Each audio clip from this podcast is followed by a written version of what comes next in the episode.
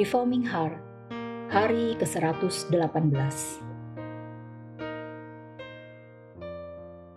Renungan ini diambil dari website pemuda.stemi.id. Tema renungan hari ini adalah tanda-tanda mujizat dan makanan. Mari kita membaca Alkitab dari 2 Raja-Raja 4 ayat 38 sampai 44. Demikian bunyi firman Tuhan. Maut dalam kuali. Elisa kembali ke Gilgal pada waktu ada kelaparan di negeri itu, dan ketika pada suatu kali rombongan nabi duduk di depannya, berkatalah ia kepada bujangnya, Taruhlah kuali yang paling besar di atas api, dan masaklah sesuatu makanan bagi rombongan nabi itu. Lalu keluarlah seorang dari mereka ke ladang untuk mengumpulkan sayur-sayuran. Ia menemui pohon sulur-suluran liar dan memetik daripadanya labu liar, serangkul penuh dalam jubahnya. Sesudah ia pulang, teruslah ia mengiris-irisnya ke dalam kuali masakan tadi, sebab mereka tidak mengenalnya. Kemudian dicedoklah dari masakan tadi bagi orang-orang itu untuk dimakan, dan segera sesudah mereka memakannya, Berteriaklah mereka serta berkata, Maut ada dalam kuali itu, hai abdi Allah. Dan tidak tahan mereka memakannya. Tetapi berkatalah Elisa, ambillah tepung, dilemparkannya lah itu ke dalam kuali serta berkata, cedoklah sekarang bagi orang-orang ini, supaya mereka makan. Maka tidak ada lagi sesuatu bahaya dalam kuali itu. Datanglah seseorang dari Baal Salisa dengan membawa bagi abdi Allah itu roti hulu hasil, yaitu 20 roti jelai, serta gandum baru dalam sebuah kantong. Lalu berkatalah Elisa, berilah itu kepada orang-orang ini, supaya mereka makan. Tetapi pelayannya itu berkata, bagaimanakah aku dapat menghidangkan ini di depan seratus orang? Jawabnya, berikanlah kepada orang-orang itu, supaya mereka makan. Sebab beginilah firman Tuhan, orang akan makan, bahkan akan ada sisanya. Lalu dihidangkannya lah di depan mereka. Maka makanlah mereka dan ada sisanya sesuai dengan firman Tuhan.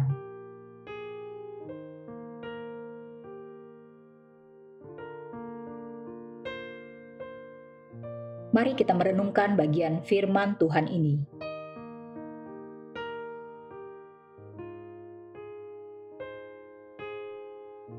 Bagian selanjutnya masih mengisahkan mujizat-mujizat yang dikerjakan oleh Elisa.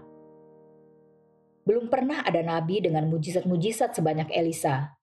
Musa mengerjakan sangat banyak tanda-tanda, tetapi tidak pernah membangkitkan orang mati. Elisa membangkitkan dua orang mati. Yang pertama adalah anak perempuan Sunem, dan kedua adalah mayat seorang yang akan dikubur, tetapi yang dilemparkan ke kuburan Elisa.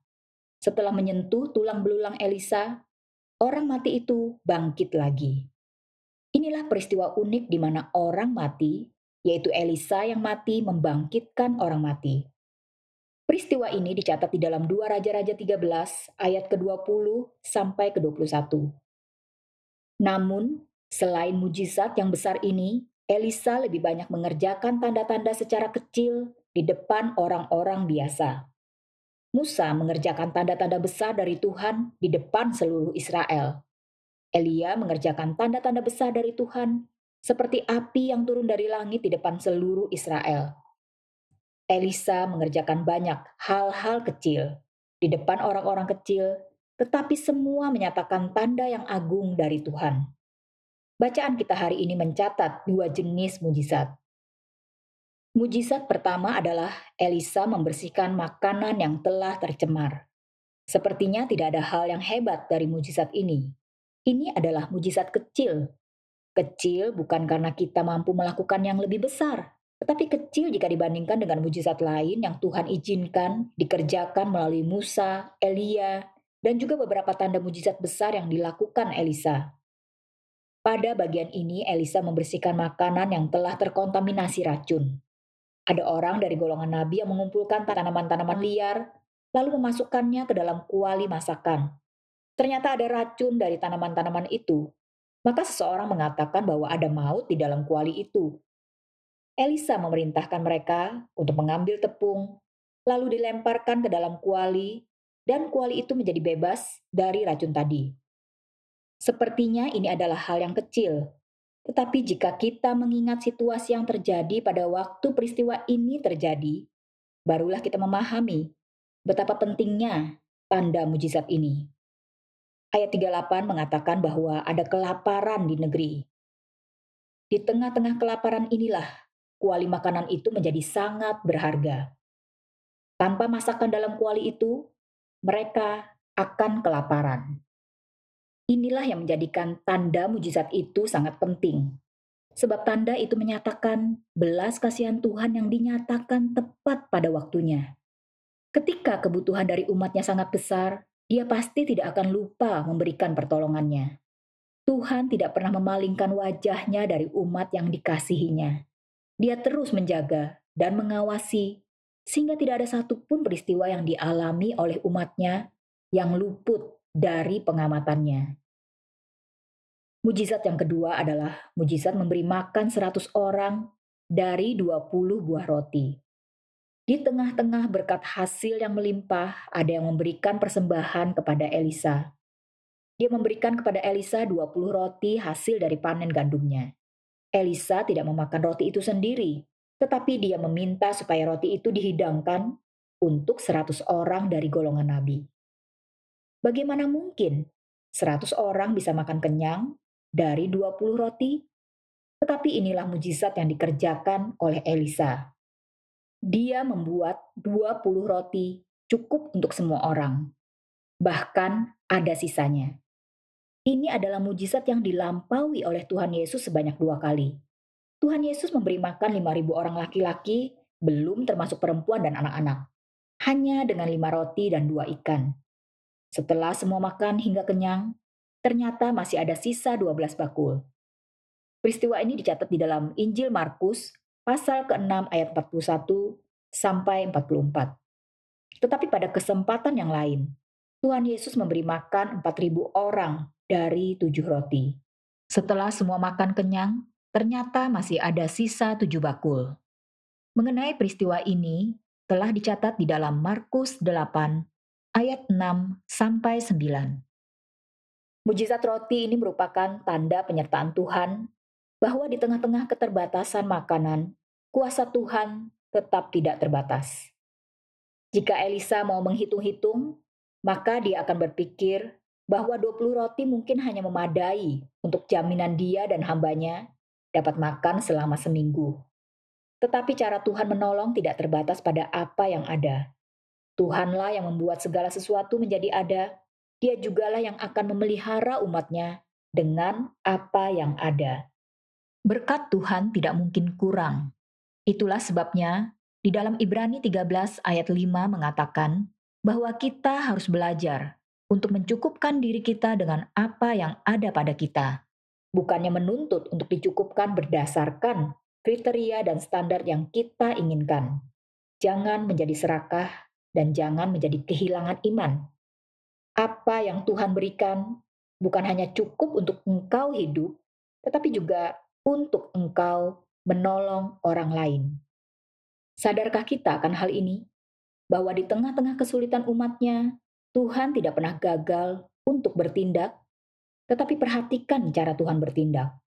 Tuhan memakai Elisa yang sengaja kembali ke Gilgal pada waktu ada kelaparan. Elisa tidak melarikan diri ke luar negeri. Dia tinggal untuk menolong para nabi yang dipimpinnya. Setelah itu, dia jugalah yang menyediakan makanan di dalam kuali untuk dimasak dan dimakan bersama. Elisa tidak hanya menunggu Tuhan mengerjakan tanda-tanda ajaib, dia mengerjakan apa yang bisa dia kerjakan berdasarkan belas kasihan yang dimiliki di dalam dirinya. Biarlah kita juga belajar untuk berbagi. Elisa mendapatkan 20 roti, tetapi yang ada di dalam pikirannya adalah bagaimana golongan nabi yang 100 orang itu bisa makan kenyang. Dia tidak memikirkan haknya sendiri dan tidak memikirkan kepentingannya sendiri. Kita yang mengamini bahwa Tuhan tidak akan melupakan umatnya di manakah kita memosisikan diri kita? Apakah kita selamanya mau menjadi korban yang menantikan uluran tangan dan belas kasihan orang lain? Apakah kita terus menjadi orang yang berseru minta tolong kepada Tuhan? Ataukah kita mau menjadi saluran berkat Tuhan? Bukan lagi korban yang menantikan uluran belas kasihan, tetapi menjadi orang yang merasa berkelimpahan dan senantiasa memberi bagi kebutuhan orang lain. Dia yang miskin adalah dia yang terus merasa hidupnya kurang diberkati. Dia yang berlimpah adalah dia yang di dalam kekurangannya masih tetap mampu memberi bagi orang lain. Tuhan pasti akan memelihara hidup umatnya, tetapi dia melakukan itu melalui kita sebagai salurannya. Siapkah kita tidak mencari aman bagi diri sendiri? Siapkah kita untuk tidak merasa diri serba kekurangan? Barang siapa mampu memberi di tengah-tengah kekurangannya, dia akan mendapatkan pujian dari Tuhan sendiri. Ini dicatat di dalam Markus 12 ayat 42 sampai 44. Pada zaman sekarang sangat banyak orang yang terus merasa dirinya harus ditolong, terus meminta bantuan dan terus mengharapkan belas kasihan orang lain. Juga banyak hamba-hamba Tuhan yang terus memohon pertolongan orang lain hamba Tuhan tidak boleh dikasihani dalam hal keuangan. Hamba Tuhan harus dihargai karena memang dia layak mendapatkan apa yang dia dapat, bukan karena dia mendapatkannya dari belas kasihan jemaat. Prinsip ini tercatat di dalam 1 Korintus 9 ayat ke-13 yang berbunyi demikian. Tidak tahukah kamu bahwa mereka yang melayani dalam tempat kudus mendapat penghidupannya dari tempat kudus itu dan bahwa mereka yang melayani mesbah mendapat bahagian mereka dari mesbah itu. Itu adalah hak dia dan kewajiban jemaat. Tetapi hamba Tuhan juga harus belajar memberi. Orang Kristen yang sejati harus belajar menjadi orang yang suka memberi. Kita tidak dipanggil untuk meminta belas kasihan, tetapi kita diminta untuk memberi belas kasihan. Kita tidak dipanggil untuk meminta kemurahan, tetapi kita dipanggil untuk menjadi murah hati terlebih dahulu. Barulah kita akan beroleh kemurahan. Seperti janji Tuhan di dalam Matius 5 ayat ke-7 yang berbunyi, Berbahagialah orang yang murah hatinya, karena mereka akan beroleh kemurahan. Kekurangan yang kita rasakan dalam hidup kadang-kadang adalah bentuk kekurangan berdasarkan standar yang telah ditetapkan oleh dunia ini. Tetapi jika kita terus-menerus merasa diri kita adalah orang yang kekurangan, maka kita tidak akan pernah merasakan sukacita boleh menjadi saluran berkat Tuhan. Seperti yang ditulis di dalam kisah para rasul 20 ayat ke-35. Mari kita belajar dari Elisa. Dia menyatakan banyak tanda-tanda ajaib, tetapi yang lebih patut untuk dikagumi adalah kerelaan dia untuk berdiam bersama dengan golongan nabi untuk menolong mereka ketika negeri mereka tengah dilanda kelaparan.